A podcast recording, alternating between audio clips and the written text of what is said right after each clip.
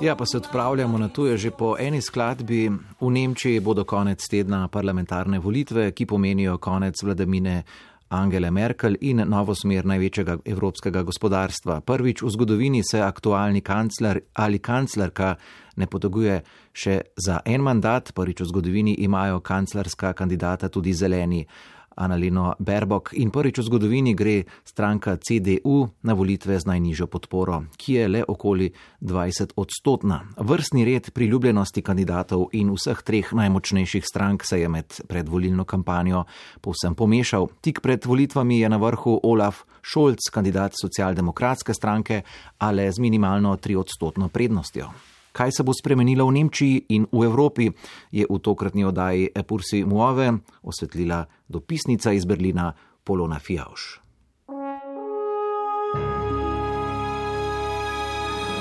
Epursi Muove.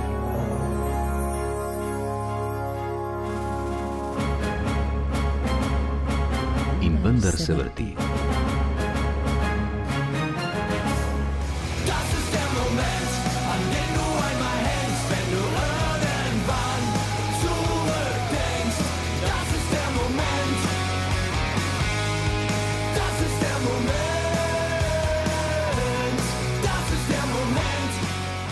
Es gab wahrscheinlich in den letzten 70 Jahren selten eine so wichtige Bundestagswahl.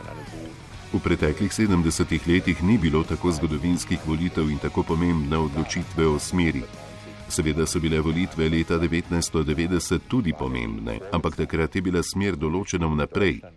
Danes je Nemčija na pomembnem razpotju, gospodarskem, socialnem in družbenem. V pogovoru pove direktor enega najpomembnejših nemških gospodarskih inštitutov DIV v Berlinu, ki svetuje tudi nemški vladi Marcel Fračer. Prilagoditev trga, industrije in družbe podnebnim zahtevam je za Nemčijo ključna, pravi. Wir müssen uns bewusst machen, was die Alternative ist, wenn es nicht gelingt. Nämlich das andere an Deutschland vorbeiziehen, das andere. Äh, Moramo se zavedati, kaj je alternativa, če nam ne uspe. Drugi nas bodo izrinili z trga. Ne gre več za vprašanje, ali zmoremo ali ne, ampak za dejstvo, da podjetja čez 10-15 let ne bodo več obstajala, če zdaj ne izpeljemo preobrazbe. Zato je ključna hitrost in v tem vidim tudi veliko priložnost. Ljudem je treba povedati, da je industrija tista, ki zagotavlja delovna mesta in ni v nasprotju s podnebno politiko. Nasprotno, oboje mora iti z roko v roki. Seveda se bo veliko ljudi znašlo pred ogromnimi izzivi, ker bodo številna podjetja bankrotirala, vendar bomo ustvarili nova delovna mesta. Zato je potrebna mobilnost, da se ljudje prekvalificirajo in to je v socialnem tržnem sistemu težko. Politiki namreč pogosto pravijo, zagotavljamo vam delovna mesta. Vendar radodarna socialna politika ni dovolj. Na trgu morate biti konkurenčni in treba je odkrito povedati, da je v zdajšnji nemški vladi premalo strokovnjakov. To je ena od prednosti stranke zelenih. Imajo strokovnost in tudi jasne cilje, da nekaj izpeljejo. Tudi če se izjave gospodarstvenikov zdijo smiselne in logične, so tokratne volitve prelomne tudi zato, ker odhaja kanclerka Angela Merkel, jedro stabilnosti, pod katero so Nemci zadnja leta spali mirno, z občutkom, da bo za vse poskrbela, vsaj večina njih. In njen odhod in prihod nekoga novega je za veliko Nemcev dovolj velika sprememba sama po sebi. Spomladi so zeleni za kratek čas bili najbolj priljubljena stranka, ko je vodenje prevzela Annalena Berbo. Für all das braucht es jetzt Mut, Dinge wirklich anders zu machen. Zukunft ist nichts, was einfach so passiert. Zdaj je potreben pogum, da stvari naredimo drugače. Prihodnost ni nekaj, kar se zgodi, ampak je v naših rokah in zato sem danes tukaj. V preteklih letih smo slišali, česa vsega se ne da, zdaj šteje le, kaj je mogoče. Kandidiram za prenovo, drugi kandidirajo za status quo. Globoko sem prepričana, da ta dežela potrebuje nov začetek, da bo izšla močna čez prihodnje desetletja, ki bodo velik izziv. Čas je, da politika preraste samo sebe. A kot se je izkazalo v naslednjih mesecih, večina Nemcev na tako zelo velike spremembe vendarle ni pripravljena.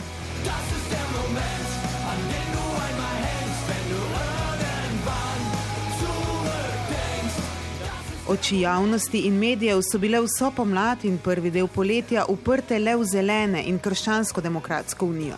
Socialdemokratska stranka je svojega kandidata pod kancerja in finančnega ministra Olafa Šolca imenovala že avgusta lani in podpora njim je bila tako nizka, okoli 15 odstotna, da se z njimi ni ukvarjal nihče.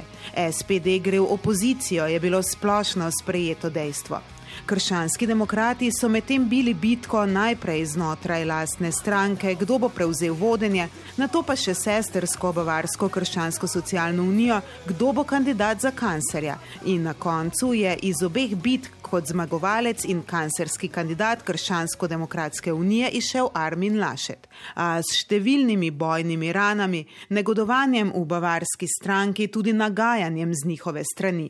Imel je daleč najslabšo strankarsko popotnico med vsemi kandidati in največ dvomov v to, da je pravi kandidat, kar se je seveda slejko prej odrazilo tudi pri voljivcih. A ko je Armin Lašet aprila stopil v tekmo za kancerski urad, je to storil kot favorit, kot nas naslednik Angele Merkel, kot nekdo, ki bi si tako kot Merklova želel, da imajo ljudje občutek, da so pod njim varni, a da bo država hkrati bolj moderna, da bo prišlo do digitalizacije, ki jo je Merklova prespala in da bo politika z njim do okolja prijaznejša.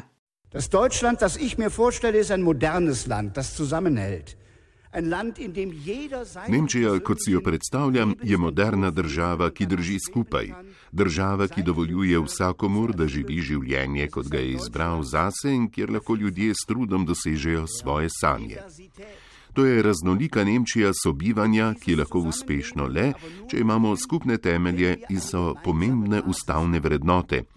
Dogmatizem, nasilje in polarizacija uničujejo enotnost naše družbe. Aprila je bila podpora stranki CDU 28 odstotna, podpora zelenim 21 odstotna, SPD 15 odstotna. Potem pa so se trendi začeli počasi, a ustrajno spreminjati. Najprej je CDU prehitela zelene, a na Lini Berbok se je zgodilo nekaj začetniških spodrsljajev, netočnost v življenje pisu, pozno oddana napoved dodatnih prihodkov, napačno citiranje v knjigi, pa sporno izrazoslovje, ko je med intervjujem v opisovanju rasističnega dogodka tudi sama uporabila rasistični izraz. Nič velikega, a spodrsljaji so ostali zaupanja voljivcev. Laše tu se je zaradi nepozornosti zgodil spodrsljaj, ki ga je stal ugleda. Ob obisku poplavljenih območij, kjer je umrlo 180 ljudi, so ga kamere med govorom predsednika Steinmeierja ujele, ko se je široko smehljal v zadju. Prednost Lašeta in Berbok je bila izničena, kandidati so začeli s točke nič in naenkrat je za najbolj resnega, umirjenega, kompetentnega, nekoga torej, ki bo Nemce še naprej ščitil pred globalnimi nevarnostmi, tako kot Merklova, deloval Olaf Scholz. Profesor Herfried Münkler, eden najbolj citiranih političnih analitikov, politikov v Nemčiji, je na vprašanje, zakaj po 16 letih ljudje znova podpirajo socialdemokratsko stranko, takole razmišljal. Mit Olaf Scholz sozusagen eher ein Stabilitäts- und Kontinuitätsversprechen. Ähm, Scholz obljublja kontinuiteto in stabilnost, tudi zato, ker je kakršen je. Ko se ljudje vprašajo, ali Berbok ali Lašet, jim ostane Šolc, saj druga dva izločijo. To kaže, kako zelo je odločitev za stranko povezana z odločitvijo o osebnosti. Ljudje podpirajo socialdemokratsko stranko v veliki meri zaradi Šolca, pa ne zato, ker je profiliran, ampak kot član sedanje vlade do neke mere daje občutek kontinuitete. SPD je 3. septembra prvič po 19 letih v podpori prehitela krščanske demokrate. Zeleni so zdrsnili na tretje mesto in tam tudi ostali. Annalena Berbok ni bila več v igri za kancerski položaj. Šolc pa, tako kot Merklova, deluje preudaren in pragmatičen, le da ima Merklova morda za spoznanje več življenja v sebi. Šolc je dolgočasen, a očitno to pri Nemcih zbuja zaupanje. Tako kot Merklova vodi politiko z intelektom, ne z dušo. Šolc je tudi že januarja napovedal, da ko bodo Nemci avgusta ugotovili, da gre za to, kdo bo dejansko nadomestil Merklovo v kancerskem uradu, bodo podprli njega. In tako se je tudi zgodilo. Olafu Šolcu je uspelo z majhnimi, a dobro slišanimi konkretnimi obljubami. Wenn jetzt in dieser Lage, nachdem wir das gemacht haben, Če zdaj, ko smo toliko naredili skupaj in držali skupaj, nekateri mislijo, da ljudje, ki veliko zaslužijo, tako kot jaz ali še več, potrebujejo davčne olajšave, potem to ni le neizvedljivo, ampak povsem nesolidarno. Želimo izgraditi 400 tisoč stanovanj na leto, da se razmere na nepremičninskem trgu uredijo. Potrebujemo stabilne pokojnine, predvsem zaradi mladih. Tisti, ki s 17 pustijo šolo in bodo delali do 67. leta starosti, morajo vedeti, da je potem konec. Ne želimo podaljšanja delovne dobe, to odločno zavračamo. Veliko ljudi kljub trdemu delu premalo zasluži in če počrtam eno zahtevo, je to dvig minimalne plače. To bom uresničil prvo leto vodenja države. V tem tonu se je nadaljevala predvoljivna kampanja, podpora socialdemokratom je rasla. CDU-CSU so bili povsem obupani. Le tri tedne pred volitvami je Armin Lašet predstavil tako imenovano ekipo za prihodnost. Le dobra dva tedna prej načrt za prihodnost, ki je deloval kot da vedo, o čem govorijo, a so točke precej neoprijemljive in bolj načelne kot konkretne. Armin Lašet je poskušal še v zadnjih dveh televizijskih soočenjih simpatije in glasove pridobiti z ostrejšimi napadi na finančnega ministra in konkurenta Šolca, da je osebno odgovoren za preiskave v pisarnah finančnega ministerstva, obsežno goljofijo in stečaj družbe Wirecard ter davčni škandal Cumex mu je učital Armin Lašet. Und es wird so wenig bei der Geldwäsche aufgeklärt, dass ein Staatsanwalt sagt, ich brauche hier weitere Informationen. Glede finančnih težav ste pojasnili tako malo stvari, zato je tožilstvo odločilo, da potrebuje dodatne informacije, sodišče pa je odobrilo uvedbo preiskave pri vas. In to ni edini primer, za katerega ne želite prevzeti odgovornosti. Milijoni malih vlagateljev so v aferi Wirecard izgubili denar, ker niste poskrbeli za nadzor in preverjanje. Kot minister morate zagotoviti, da nadzorni organi opravljajo svoje delo in če ga ne, morate ukrepati. Če bi moj finančni minister delal tako kot vi, potem bi imeli resno težavo. In tretjič, v aferi CumEx so nekateri s kriminalnimi posli dobili dva ali trikratno finančno nadomestilo države. To pomeni, da ni treba zvišati davkov, ampak moramo najprej pobrati denar, ki je na voljo. Šolcu tudi finančna afera in preiskave na finančnem ministrstvu niso škodovale. Prednost je ohranil, je pa nekaj točk pridobil Armin Lašet. V troboj, ki je postal dvoboj med Šolcem in Lašetom, se je v zadnjem trenutku vključila Angela Merkel in napadla Šolca. In tako kot celoten CDU in CSU, tudi ona v zadnjem govoru pred volitvami v parlamentu posvarila, da bi državo vodila leva koalicija socialdemokratov, zelenih in stranke levice. Entweder eine Regierung, die mit SPD und Grünen die Unterstützung der Linkspartei in Kauf nimmt, zumindest sie nicht ausschließt, oder, ich sag ja, ich sag ja nur die Wahrheit. Ali boste imeli vlado, ki sprejema podporo stranke Levice skupaj z SPD in zelenimi, ali pa tega vsaj ne izključuje, govorim le resnico? Ali zvezdno vlado, ki jo boste vodili CDU in CSU z Arminom Lašetom kot kanclerjem.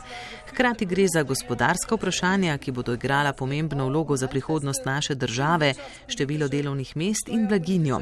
Zato je za Nemčijo najboljša pot naprej vlada pod vodstvom CDU in CSU z Arminom Lašetom na čelu, kajti ta vlada zagotavlja stabilnost, zanesljivost, zmernost in uravnoteženost. To, kar Nemčija potrebuje. In tako utišala tiste, ki so na pol ušali, menili, da bo Merklova na skrivaj volila stranko zelenih.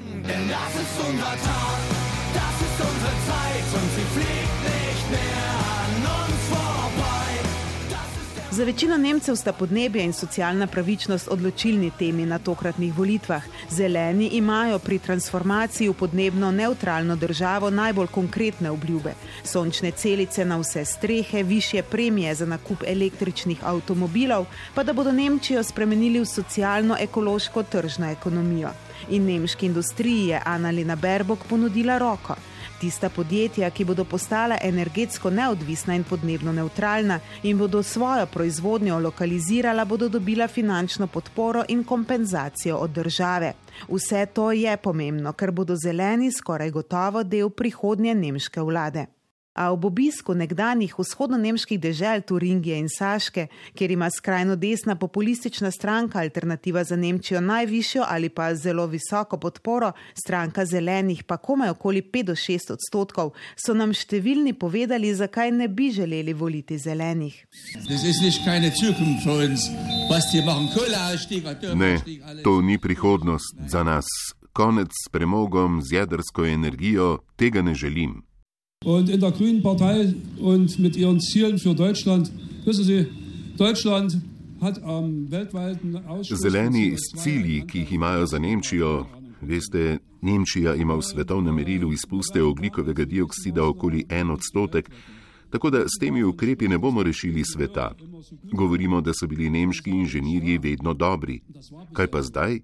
Tehnologija se zdaj dela drugot, v Združenih državah Amerike in na Kitajskem, ki nas je že davno prehitela. Bil sem na dopustu v bližini Polske, kjer dva kilometra od meje stoji največji polski premogovnik. Berbokova pa govori o tem, da bomo v Evropi skupaj varovali okolje. Nekje je treba začeti, ampak s pametjo in znanjem, ne pa s strankarsko demagogijo in raznimi razlagami. Socialdemokratska stranka se je bolj osredotočila na socialna vprašanja. Višja plača, pokojninska in zdravstvena reforma, tako da bodo vsi imeli dostop do istih zdravstvenih storitev, ne bogatejši hitreje kot doslej.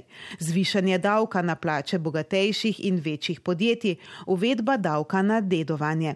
Olaf Scholz v drugem od treh televizijskih soočen. Garantie geben, dass es erstens keinen weiteren Anstieg des Renteneintrittsalters gibt. Ljudem moramo zagotoviti, da ne bomo zvišali upokojitvene starosti in še da bo raven pokojnin ostala stabilna. Do konca prihodnjega leta bomo imeli zaradi boja proti krizi 400 milijard evrov dolga. Poskrbeli smo za varnost služb in podjetij, rešili smo okoli 2 milijona delovnih mest, schemo nadomestila za plače, veliko denarja smo namenili zdravstvenemu sistemu. Vse to pa ni mogoče, če imajo ljudje z visokimi dohodki davčne olejšave. To ne deluje. Armin Lašet, kandidat Krščansko-demokratske unije, pa je povsem drugače kot socialdemokrati prepričan, da je treba pobrati denar iz davčnih utaj, ki da ga je na trgu dovolj, da ni treba bolj finančno obremeniti tistih, ki zaslužijo več in večjih koncernov.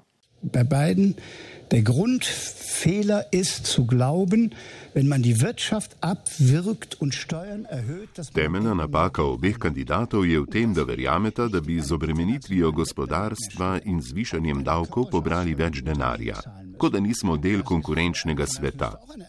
To je za finančnega ministra presenetljiva izjava, kajti podjetja razmišljajo, kam bodo vlagala v Evropski uniji. Če bi poleg zahtev in birokracije uvedli še više davke, bi to ogrozilo delovna mesta v naši državi. In vemo, kaj to pomeni tudi pri davku na dedovanje. Gre za imetje v lasti nekoga, potem pa pride finančno ministerstvo in začne računati. Varčevalna knjižica, delnice, to je lahko. Kaj pa pisalna miza in slika na steni? Zato je ustavno sodišče odločilo, da to, kar smo želeli, zaradi zapletenosti ne more biti pravično izpeljano in Šrederjeva vlada tega ni uvedla. Gre za preveč zahtevno birokratsko nalogo. Kot kaže, zdaj bodo možne tri koalicije, če zmagajo socialdemokrati. Za najbolj verjetno je ocenjujejo tako imenovano semafor koalicijo - socialdemokrati, zeleni in liberalni svobodni demokrati, čeprav imajo slednji diametralno nasprotne zahteve v svojem volivnem programu. Ta je najbolj podoben s krščansko-demokratsko unijo. Vodja liberalcev FDP je Kristjan Lindner, prvi in pravzaprav edini prepoznavni obraz te v svobodni trg usmerjene stranke, ki še vedno verjame, da bo zmagala CDU, s katero bi bili zagotovo tudi oni del vlade. Mit an Sicherheit grenzender Wahrscheinlichkeit wird Armin Laschet der nächste Bundeskanzler der Bundesrepublik Deutschland sein. Skoraj gotovo je, da bo Armin Laschet naslednji nemški kancler. Naš cilj na volitvah je dvomestna podpora, da CDU in zeleni ne bi imeli večine in bi Nemčija dobila vlado, ki mora zajeti politično sredino skupaj z močno stranko svobodnih demokratov. Druga možnost koalicije so socialdemokrati zelenimi in stranko levice, pred katero strašijo in svarijo konservativci. A mnogi ocenjujejo, da je stranka levice na zvezdni ravni zaradi svoje težavne zunanje politike, izstop iz NATO in nasprotovanje vojaškemu posredovanju v tujini nepredvidljiva in neresna. Programi teh treh strank so sicer najbolj skladni. Janine Wisler, stranka levice. Uns geht es darum, dass wir einen Politikwechsel wollen. Also wir kämpfen für eine starke Linke, nicht jetzt für eine Konstellation. Želimo si političnih sprememb. Borimo se za močno levico, s katero bi dosegli politične spremembe. Socialdemokrati in zeleni morajo razmisliti, ali svoje predvolilne obljube o socialni pravičnosti, višji minimalni plači in podnebni zaščiti lahko uresničijo s CDU in FDP. Oni namreč želijo prav nasprotno. Stranka Levica se je zdaj pripravljena odpovedati zunanje političnim zahtevam, samo da bi bila del prihodnje vlade.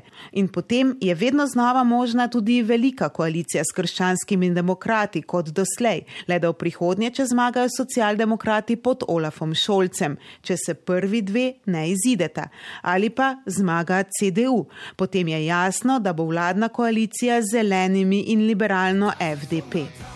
O alternativi za Nemčijo nismo govorili. Okoli 11 odstotna podpora se jim obeta, a ne bodo del vlade. Vsi politiki so jasno in glasno in to večkrat povdarili, da z njimi ne bodo sodelovali, ker niso demokrati. So viel geschrieben, so viel getankt, am Köpfe zerbrochen und Gitarren verbrannt. Weiß nicht mehr, wann ich zum letzten Mal schlief. Nemčija je na razpotju. Kdaj, če ne zdaj, je treba določiti podnebno politiko, smer gospodarstva, digitalizacijo. Nujni sta reformi zdravstvenega in pokojninskega sistema. In tukaj je še Evropa, ki tudi čaka na Nemčijo. A Nemčija se Evrope ne veseli, v njej vidi težave. Evropa, razen načelnih izjav, na žalost tudi ni bila pomembna tema v predvolilnih soočenjih, kar v trenutku, ko je odprtih toliko front, ne čudi Katrin Klüfer-Aš. Asprog, direktorico Nemškega sveta za zunanje zadeve posvetovalnega telesa nemške vlade. Ich hätte mir jetzt gewünscht, Želela bi, da bi bilo v predvolilni kampanji več povdarkov na zunani politiki, kajti neizogibno bodo po odhodu kanclerke in nastopu nove koalicijske vlade decembra ali januarja težave, ki se vse skozi prepletajo in zunanje politični izzivi tako očitni kot še nikoli prej. S tem se bo ukvarjala nova vlada, ki omenjenih vprašanj v kampanji sploh ne obravnava, tega pravzaprav ne počne nobena stranka. Od leta 1871 do danes je Nemčijo vodilo 28 kancerjev in ena kancerka. 16 let Merklove je za Nemčijo pomenilo 16 let relativne stabilnosti, pa tudi zamujenih priložnosti. A to je že druga zgodba.